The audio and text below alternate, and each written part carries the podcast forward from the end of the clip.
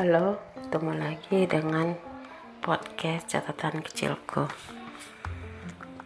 Untuk episode kali ini aku buat khusus untuk mengikuti event yang diadakan oleh The Podcaster Indonesia yang mengambil hashtag 30 hari bersuara.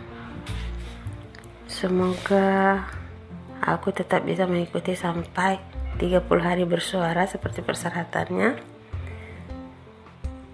dan bisa menjadi semangat atau pemicu bagi teman-teman podcaster yang lain untuk saling memberikan yang terbaik bagi Indonesia.